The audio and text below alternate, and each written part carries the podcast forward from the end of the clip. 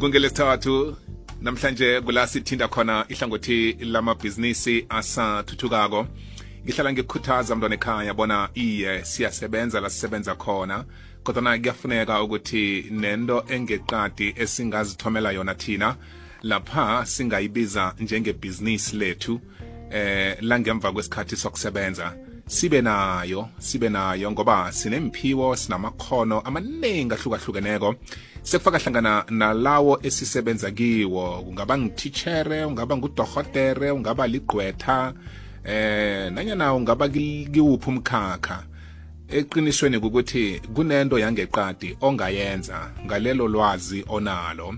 Eh ungazivulela sakho isikolo sangeqadi sangemva kwamadina ube nabantwana mhlawumbe abalisumi namkhaba amasumi amabili obasiza ngembalo obasiza ngemfundo ezithileko. Eh ungazithomela yakho i-practice eh njengodohotere namkha i-law firm njenge njengegqwetha. Ekuhambeni kwesikhathi uzijayeze izinto ezifanele ukuthi ekugcineni ngiyasebenza la ngisebenza khona kodwa la ngifuna ukuyokugcina khona eh kukuba nento yabi. Manje ilwazi ayesilethule lapha liqakathekile ukuthi nawe ungakhona ukulisebenzisa eh ukuzithomela yakho into.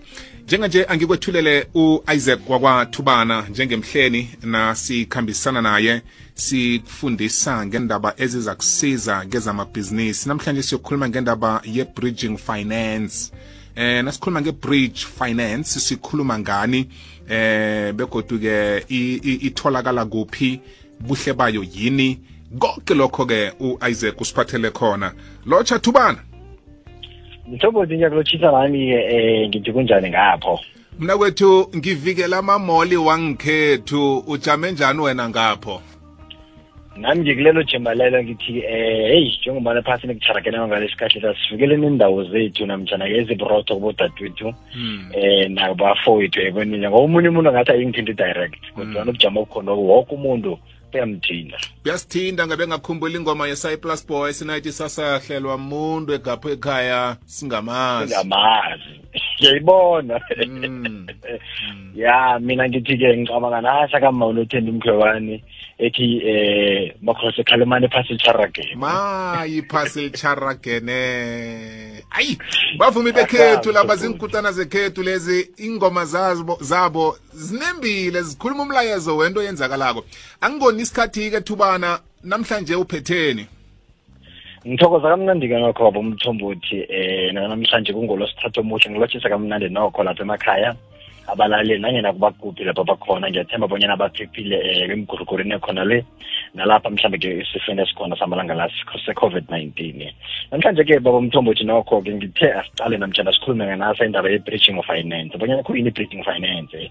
Eh ngoba nangakubhale kuhle ngaso sobona kuligama elikhulu nje kodwa i-breaching finance kulento esiyitho kakhulu um sengosomabhizinisi abancane namtshana abantu abalela ngayo wonke malanga abasomabhizinisi abancane yini i-breaching finance? Nginasha eh imali oyithoga kakhulu la uceda ukuthola i-contract namtshana i-purchasing order.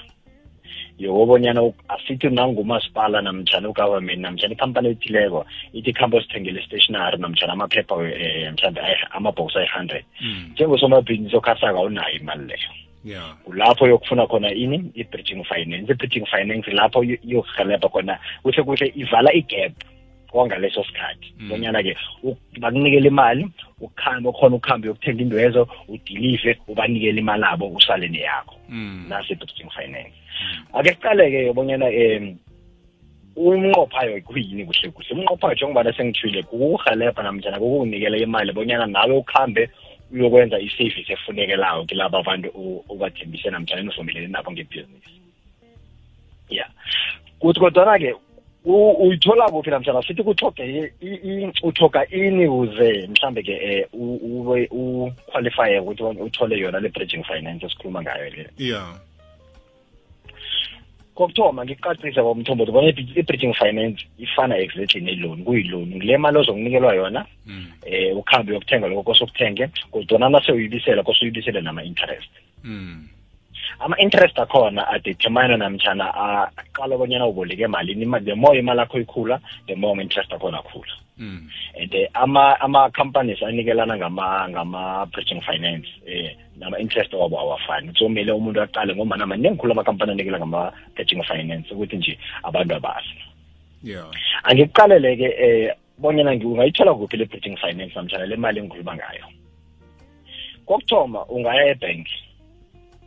Ibhenki iyakunikela imali nangabe uphethe i-purchasing order purchase order njengoba la sengitshile nginalo liphepha elitshoyo ukuthi umasipala onjena nje ukunikele umberego namtshana umsebenzi wobanyana ubadilivele into ezi- lokhu nalokhu nalokhu nalokhu Mm. lelo phepha silibiza bona i-purchasing order Mm. namtshana-ke um umlaleli lapha ekhaya ngenzeka uthole i-contract yokubonyana mhlambe ke kosa yokuthenga into ezithile omtshana kosa yokudiliva yokubereka into e- e- ekampanini ethileko namtshana emnyangeni wombuso i-bridging finance nayo iyangena lapho ngombana imali osuke unganayo ngaleso sikhathi Mm. ebhanka uyoyithola kodwana ibhanka ifuna lento esibiza abanyana i-collateral Yeah. kuyini i-collateral umthombothi nangabe ufuna ukuya ebhanka ufuna ukuyokuboleka u-hundred thousand ese-bridging finance ibhanka ngekhe ikunikele imali leyo nange ungana-collateral asithi umthombothi unomodoro mhlambe-ke ivelu yakhona isize ngaphasi kwe-hundred thousand and wena ufuna u-hundred thousand Mm. Ibhanka izokuthi yini i-collateral yakho uzokuthi no mina nginekoloyi nasi igama layo mhlobo nje nanje nanje um ngibambisa ngayo. I-collateral nginasa into obambisa ngayo. Ungabambisa ngaba ikoloyi ungaba yindlu nanyana kuyini esegameni lakho onwa ngongayenzi i-collateral. Benzelela ini nangabe mhlambe-ke into azisakhambe ngendlela ebehleleke ngakho ubonyana um ubanikele imali abo bheke bazokuthatha ikoloyi leya bayoyithengisa. Namhlaba bakuthatha indlu leya bayoyithengisa bathole imali abo yibhanka-ke leyo. Hmm. and then kukhona-ke namanye-ke ama- ama-government departments eh nama-agencies angakunikela bridging finance ungaba-check lapha ku-google mara ngiphathela mbalwanyana ungaya kusifa isifa nayo ingakunikela eh le bridging finance namtjana le loan esikhuluma ngayo kodwana-ke eh le loan engikhuluma ngayo usifa akufuneki i-collateral Mm. Nizokuvumelana bazokufuna i-contract lokuthoma namtshana i-purchasing order bayiqale bonyana inamalini yona eh then bese-ke bakhona ukuthi bakusizeke ukusuka lapho. Kodwana-ke into abavamile kuyenza bonyana-ke immediately imali ingena eh ku-account yebusiness yakho ikhambe iye kibo. Begodi sinemega nangabe usempumalanga ikhona imega imega empumalanga ngakhona bangakhona ukuthi bakuhelebhe ngale mali esikhuluma ngayo le. Kodwana-ke um banenani abalifunayo ngekhe bakunikele mhlambe-ke imali engaphasi kwe-fifty thousand into ezifana lezo Mm. sikhambe seku-n e f. N e f nayo bazokunikela kodwana nabo bafuna i-collateral nemega ifuna i-collateral kodwana i-n e f angekhe ikunikele imali nange ufuna imali engaphasi kwe-two hundred and fifty thousand. Mm. angithuthuke ukuthi mthombothi ngiqaleke lapha bonyana um kuyini okhunye mhlambe-ke um engakusiza ngayo namtshana ubuhle balento esikhuluma ngayo bazi be-bridging finance? Kokuthoma angekhe ubetshe ama-deadline. Awuthole i-contract nabathi into zakho uzilethe ngomvulo zokhona ukuthi uzilethe ngomvulo ngesikhathi nivumelene ngaso. Kwesibili angekhe bakuterminatele i-contract yakhona. Mm.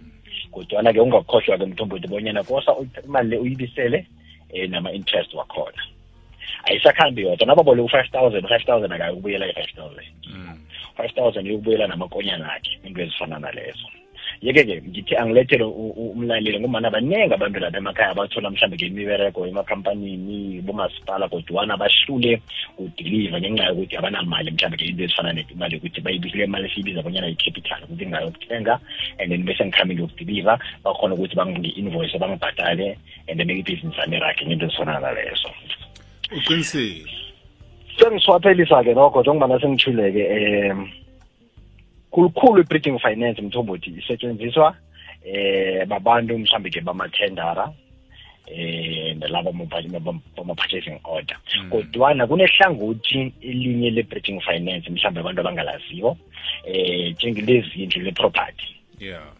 Asithi umthombothi kunendlu eh ahlala kiyo wangalesi sikhathi lesi kodwana-ke unerhuluphelo obanyana ayithengise ukuthenga enye. Mm. kodwana kuze umthombothi akhona ukuthenga leya ndlu ayifunako kosathengisela kiyo Mm. yeke-ke ibhanka angekhe ya- yathi kuwe silinda wena bonyana uthengisa yakho indlu for sithengisa leya Mm. umuntu othengisako uyathengisa. Kunjalo. Kuzokwenzeka so i-bridging finance kulapho uyokungena khona-ke. Uzokuhamba uyokulaba abantu laba uyo-aplayela i-bridging finance.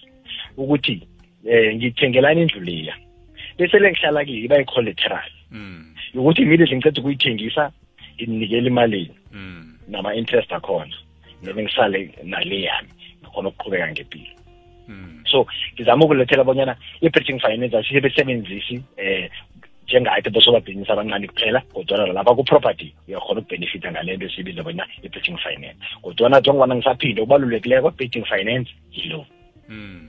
Uyoyibisela nama-interest akhona angazi bonyana uba umthombothi kakelakhe ihlangothi unomfakela ngendaba esiyiphethe kule namtshana eh umbuzo Thubana sekuba mfakela eh ngesehlakalo esahlangabezana naso sinomunye wabangani ngenxa Mhm. ye bridging finance em Yeah. bekukulapha umngani ebekakholelwa ukuthi ubambe linto ekuthiwa lithenda eh lapha bekatlhayelelwa khona yimali yokuthenga eh ipahla ebekufanele ayoyidiliva ifunekako ngaleso sikhathi. ngaleso sikhathi. Yeke nakeza kithi njengabangani bakhe siyamsiza ke ukuthi athole imali leyo eh ayokuthenga impahla leyo adilive ukuthabisa lo muntu ebesithi umnikele ithenda.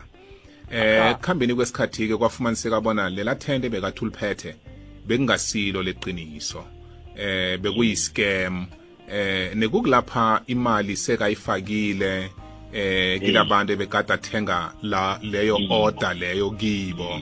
Akhange idilive akhange itholakale. Manje ngiletha lesi sehlakalo ukusiza umlaleli ngoba ikhuluma namhlanje inembile. Kula umuntu azithola khona athi ngiphethe i-purchasing order eh ngiphethe i-contract ngiyazi ukuthi usupplier ngubani eh kufanele ngithumele imali kusupplier bese angisupplyele i-material leyo. Eh kanti into leyo akusilo iqiniso. Seka yeke se- sekufuna ukuthi umuntu aqinisekise ukuthi angazitholi aku bridging finance eh asale anesikoloto ngento ebekade ingekho. Ya mthombothi uku- ukuvumelana namtshana-ke uku-eda kule nkulumo ekhulumako eh angithi kuwe umuntu akatsheje vele bonyana-ke into ithendelo livalid na?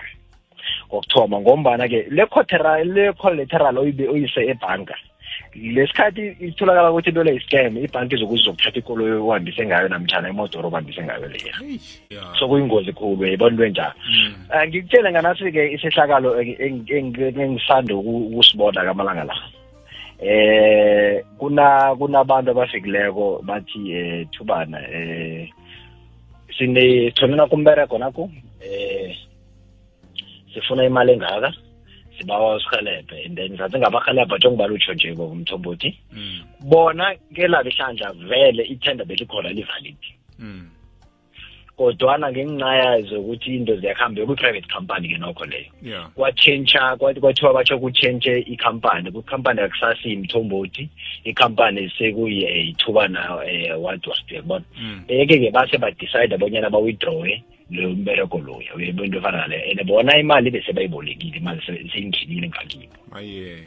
So zizinto ekumele sizicaleke lezo-ke into ezifana nalezo kodwana omunye laleli into engamyelelisa ngayo eh lama labantu abanikelezana ngalama bridging finances amalanga la bayayiverifya i-purchasing order Yes. namtshana i-contract yes and banendlela yabo yokuyiverifya wena ngekho uyizwisise mm. bangakhuluma nomuntu eh wena ongakhulumi naye bangakhuluma ne-CEO wecompany Mm. bathi khambe ukuchecka nayo bonyana-ke eh i-order number njengenje nje i-valid na Mm. kodwana sitsho ngalawa mezwi sithi umuntu akazigehle sitsho ukuthi nawe yenza i-homework yakho qala bonyana-ke izinto zakho zincophile into ezifana ngombana ekugcineni ku- ku- kusele kancane bonyana abantu ababhadale imali engalinganisela ku-five hundred thousand eh bangakatshetshi ngombana i-contract seyi-withdrawile thubana ngithokozile mna kwethu ilwazi lifana lela namhlanje ngeze sakhuluma ngesikhathana esincane kuningi sabuya sikubuyekeze godu. Eh bakuthola phi ke nabakufunako? Mthombe ngithokoza kakhulu-ke nokho ngikhona lapha ku-instagram. Igama lami ngingu-isaac thubane one way nalapha ku-twitter at isaac thubane. Eh email address yami ithi isaac thubane at gmail dot com isaac thubane at gmail dot com. Mthombe uthi ngithokoza kamnandi nto ngithi akuthula kuphela ephasini esiphila kilo sivikele nalokho okuncane esinako kusenzela bonyana nesizukulwane esizako naso sikhona ukuhlomula sikhulume kude ngolosiphatho zako. Thokozile mna kwethu benemini emnandi. Ngu-isaac kwakwathubana siba naye qobe ngelesithathu la sithinde khona ihlangothi lamabhizinisi asathuthukako